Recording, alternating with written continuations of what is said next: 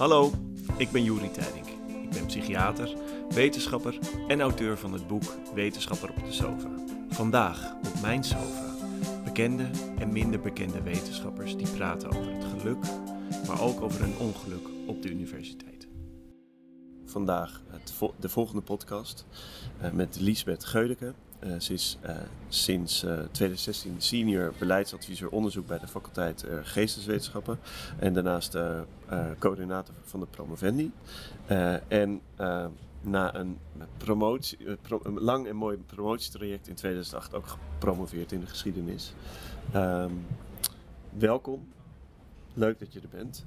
Ik heb vandaag uh, vooral gesprekken met, uh, met wetenschappers over uh, geluk in de wetenschap, ongeluk in de wetenschap. jij kent een iets andere kant. Jij kent en het geluk en het ongeluk ook in de wetenschap mm -hmm. tijdens je promotietraject. Maar daarnaast spreek je ook heel veel met, met promovendi en ook met, met hoogleraren over, over promovendi. als, jij, als ik jou vraag waar zit nou geluk in de wetenschap? Wat, wat, waar denk je dan eigenlijk direct aan? Dat het lukt om je dingen, uh, dat je onderzoek te kunnen doen. Dat je tijd krijgt om onderzoek te gaan doen. En dat je het ook lukt om dat goed uit te werken en er een mooi artikel van te maken of een mooi boek van te maken. Dat is dan, als je het in je handen hebt, het, het eindproduct, dat is wel echt een heel mooi moment, vind ik zo. Ja, ja. Dat, dat heb jij in 2008 meegemaakt? Ja. Dat je na een langdurig traject, dat je elke keer denkt het wordt niks en het wordt nooit wat. En dat je dan toch weer door iemand op het goede spoor gezet wordt, die een goede begeleider, die jezelf, nou, je kunt, als je het zo en zo dan lukt het wel. Dat het dan ook blijkt te lukken, dat dan ook dan uiteindelijk het boek er gewoon is en dat je dan ook dat kunt verdedigen. Dat is wel echt een, uh, is wel een heel fijn moment geweest, ja. Ja. ja. ja. Um, en zie je dat ook terug in de promovendi die jij spreekt? Ja, je ziet in elk geval dat inderdaad dat, dat, dat, die onzekerheid van doe ik het wel goed en kan ik het wel. Dat zit natuurlijk in de loop van het traject wordt het bij een aantal mensen zie je het meer en meer toenemen, naarmate ze perfectionistischer zijn en meer gaan twijfelen aan zichzelf. Omdat ze meer onderzoek, hoe meer je weet, hoe minder je weet meestal als je onderzoek doet.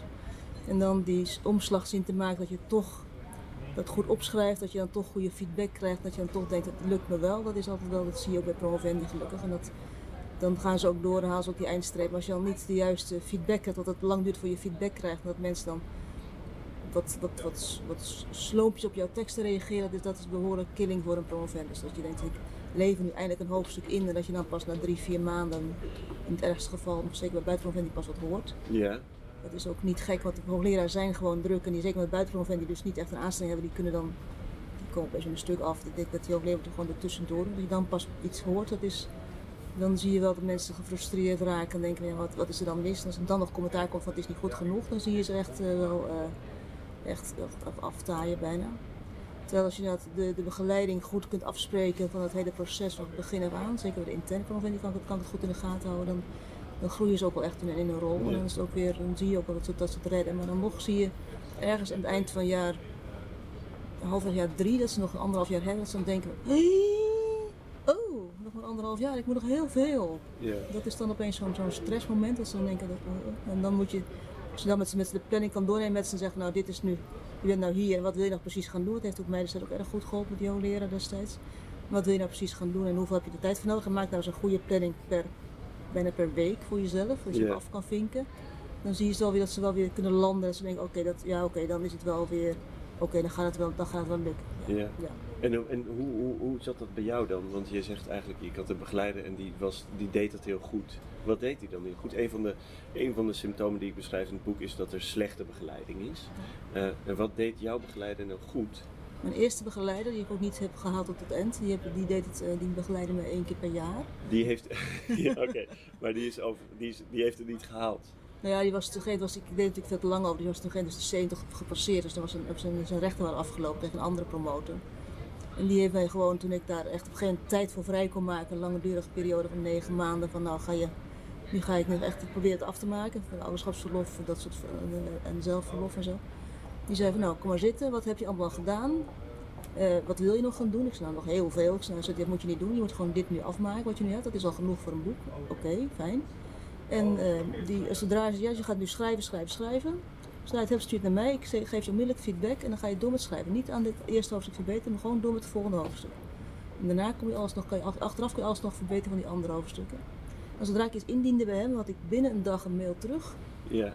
met positieve commentaar van hartstikke goed. En er zitten wel dingetjes in, die hoor je wel van, maar heel positief commentaar. Het gaat goed, je hebt een goede lijn te pakken, blijf zo doorgaan, ga verder. En binnen drie dagen lag een heel pakket in de bus met een, via de post. Met elke komma gecorrigeerd met een potloodje in de kantlijn. En allemaal keurig erbij gezet wat nog iets beter moest. Met ook daarbij het briefje bij niet nu. Ga door met schrijven. Dus dat heeft me toen echt wel. Uh, dat je echt die vaart erin houdt. Dat je echt kunt, dat je dus blijkt te kunnen schrijven. Dat iemand dat ook echt tegen je zegt, want het gaat goed. En mijn eerste promovendus, eerste promotie zei, nou, ik heb ook een keer een stuk internet met veel aarzeling ingeleverd en veel uh, haperingen. Het was, niet, het was ook geen goed stuk achteraf. En die zei toen, toen ik vroeg na drie weken, heb ik het al naar kunnen kijken. Zei, nou, nee, dat was wat, wat druk in de trein, ik had niet kunnen lezen. Ja. Oh, ik ben blijkbaar treinlectuur geworden, dus laat maar zitten verder. Dus, dat, dus een, be, een begeleider is daar heel erg belangrijk. Ja. En wat zie, je dan, uh, uh, wat zie je dan op de universiteit? Waar gaat het goed en waar gaat het niet goed? Um, nou, ze zijn heel kwetsbaar, dus het gaat eerst plaats moet je denk ik beginnen met positieve feedback van dit gaat, je bent goed bezig. En laten zien of welke goede dingen er goed zijn. En dan pas zeggen we, nou in deze punten zou ik nog wat, die kun je nog verbeteren. Daar zie ik nog mogelijkheden om te verbeteren. Maar als je nu, als je dat, uh, die combinatie niet goed maakt, alleen maar zegt van nou ja, het, moet toch heel, het is nog lang niet goed genoeg. Kom over maar met een nieuwe versie, dan, is, dan zie je ze inzakken. En als je te, te veel uh, alleen maar positieve dingen zegt of heel aarzelend bent over de, over de mindere punten, dan zie je ze te veel denken dat het in orde is. Dus ook die balans is, is, is ingewikkeld, maar die moet je wel in de gaten houden. Dus zowel de positieve dingen goed benoemd als de dingen die je beter kunt goed benoemd. En Yeah. het blijft hangen. Ik had laatst iemand die zei, nou ik ben voor mij een jaar aan een lijntje gehouden. Het zei niet duidelijk wat, wat dat er niet goed was. Terwijl die hoogleraar dacht, en ik zeg heel duidelijk dat het niet goed genoeg is. Dus dat, kijk, ook, kijk ook of, het, of je boodschap overgekomen is en hoe die overgekomen is. Ja. Ik hoor ook wel, dan lees ik iemands feedback op een, op een stuk. denk nou, het ziet er goed uit. Veel positieve dingen. En dan je, hoor je, hoor die promovent zeggen, ja, eh, hoe moet ik nou vrezen verder? Er zit zoveel commentaar op. Ik weet niet of dat, er zit niks goeds in. Ik zei, nou, dat is goed, dat is goed, dat is goed. Maar dan moeten ze echt, dan moeten ze ook, dan, dan, je moet echt controleren als promovent of die, of, de, of, die, of die commentaren ook goed aangekomen zijn. Of, dat, dat, dat, dat- of ze het begrepen hebben wat, wat je gezegd hebt. Of, ze, of, ze echt, of ze echt door de, de, de kritiekpunten ook heen kunnen luisteren. Zeggen, nou, dat ze ook kunnen zeggen van nou, je hebt het goed gedaan. Je bent ook, bent ook zelf verantwoordelijk, dus je kunt ook zelf deze feedback zelf beoordelen als je ermee kunt en niet mee kunt. Dat, dat idee van ik ben. Het is toch een rare afhankelijkheids, afhankelijkheidsrelatie tussen promovendus Ja. en promotor. Dus hoe ver kun je er tegen ingaan? Hoe ver is het? En is wat dat- is, er, wat is er zo raar aan die afhankelijkheidsrelatie? nou, aan de ene kant ben je allebei lid van dezelfde vakgroep en werknemer en, werkge- en werknemer. En anderzijds ben je afhankelijk van, voor je, zeker voor eventueel iets hierna, afhankelijk van je hoogleraar en van de feedback en hoe het, hoe het pro- proefschrift werd afgerond wordt.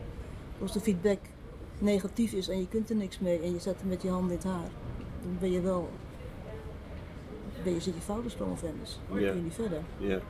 En hoe, dan, moet een, dan moet een promotor ook dat in de gaten houden of die feedback werkbare feedback was, dat hij ermee verder kunt. Anders dan, dan haakt iemand toch af in zo'n jaar en drie of vier. Dus dat, dat zie je, daar zie je toch, daar kunnen echt, daar kunnen echt brokken gemaakt worden. ja. Dus dat, dat goed En wat, en ja. wat zijn die brokken dan? Ik probeer ook Ehm, een beetje, ik ben ook een beetje op zoek naar het lijden. Hè. Waar, waar zit het lijden? Het is, het is niet alleen maar roze geur en maneschijn natuurlijk in de wetenschap. Anders was dit boek, sloeg ook helemaal nergens op. precies, ja. Waar, Ja, waar zit het lijden volgens jou? Ehm, ja, dat, ze, dat ze wegzakken, dat ze denken, ik kan het allemaal niet meer. Dat ze een schrijversblok krijgen, dat ze denken, ja, als dit niet goed was, hoe moet het in vredesnaam nou wel? Ik kan het dus niet, ik kan het dus niet. eh.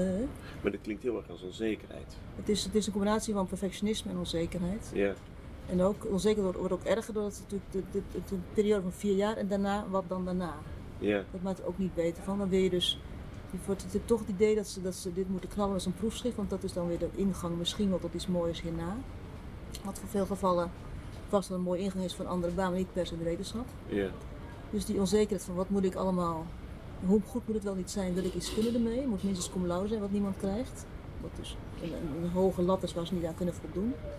Als je perfectionistisch bent en ook wel goed, maar ook ook heel perfectionistisch en, en onzeker, dan wordt het heel kwetsbaar. En dan is ook die balans tussen wat moet je er allemaal nog omheen gedaan hebben, wil je überhaupt ergens een kans maken op een vervolgtraject. Dus moet ik nou vijf of moet ik nou 35 lezingen geven? Moet ik nou eh, één keer college geven? Of moet ik heel veel aanbieden dat ik het wel wil? Want stel je voor, het dan niet, als ik het niet wil, zou ik dan nergens voor in aanmerking komen. En die balans tussen eh, wat, wat, wat, wat is wijsheid, dat weet ook niemand het juiste antwoord op. Dat is ook Nee. lastige. En er zijn natuurlijk heel veel banen, ook buiten wetenschap, die ook interessant zijn. Maar dat is toch, die, die, die, die tunnelvisie is nog steeds gericht op van ja, maar ik ga eerst maar eens kijken voor een postdocplek.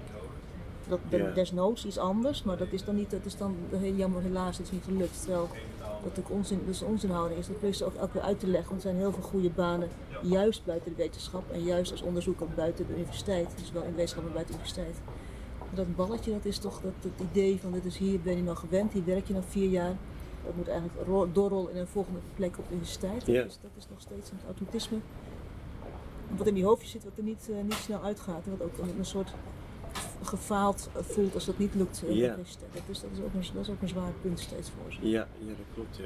En naarmate je dat idee dat het falen is als je niet hier kan blijven, dan is er ook het idee van als ik dus niet goed genoeg ben voor mijn proefschrift, heb ik sowieso al geen kans heb ik al, sowieso al gefaald. Dus, spe- speelde dat ook bij jou, dat je toen je promotie nog niet af was, of dat die tien jaar even was, stil was komen te staan? nou, ik had mezelf wel het idee van ik ben van mezelf uit geen rasonderzoeker. Ik ben veel meer iemand die wil re- regelen, organiseren, met mensen bezig wil zijn. Dus ik heb altijd ook dingen ernaast gedaan. Korte termijn dingen, van nou, vrijwilligerswerk in de kerk, om dan ook iets concreets te kunnen doen wat een keer af is aan het eind van de dag. In plaats van een boek wat over een jaar of x af is.